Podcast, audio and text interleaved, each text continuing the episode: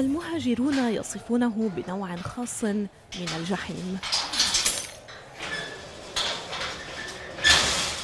جحيم حيث لا يمكن لأحد أن يسمعك وأنت تصرخ. هؤلاء الجالسون هنا منقطعون عن العالم الخارجي غرف تلو الأخرى مليئة بأشخاص يبيتون فيها منذ أشهر. يقولون أنهم يتعرضون للضرب ولا يحصلون على ما يكفي من الطعام والمساعدة الصحية.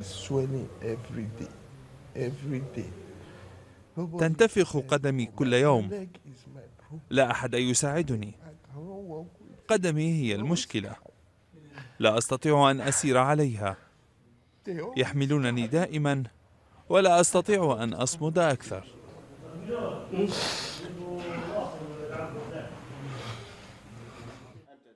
هناك العديد من الإصابات التي لا نعرف سببها والمسؤولون يرافقوننا طوال زيارتنا الحراس بالكاد يتحدثون الإنجليزية مما يشجع بعض المهاجرين على إطلاعنا على ما تعرضوا له هل ستتورط في مشاكل لأن المسؤولين يسمعونك؟ نعم ما الذي سيحصل لك برأيك عندما نذهب؟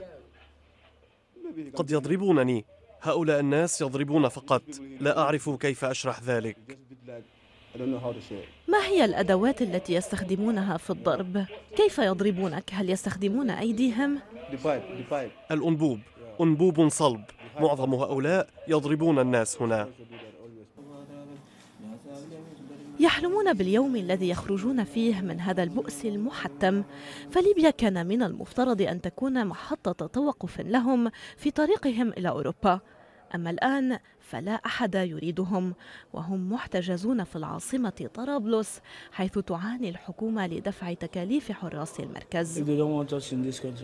إن كانوا لا يرغبون بنا في هذا البلد فليقوموا بترحيلنا إلى بلدنا. ما هو سبب الضرب؟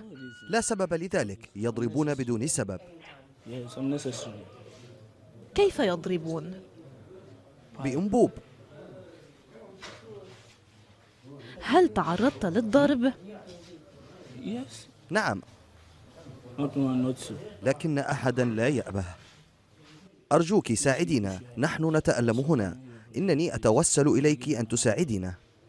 في مركز احتجاز آخر في المدينة سمعنا قصصا تتحدث عن قدر أكبر من الوحشية. طلب منا ألا نصور الحراس.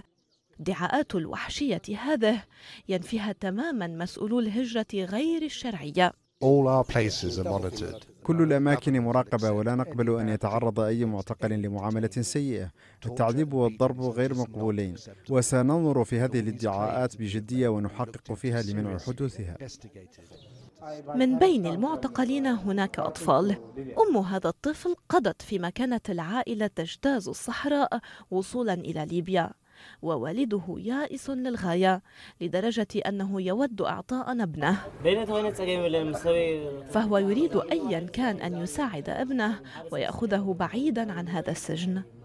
معضلة أخرى في ليبيا تفطر القلوب الممزقة في بلاد هي أصلا ممزقة.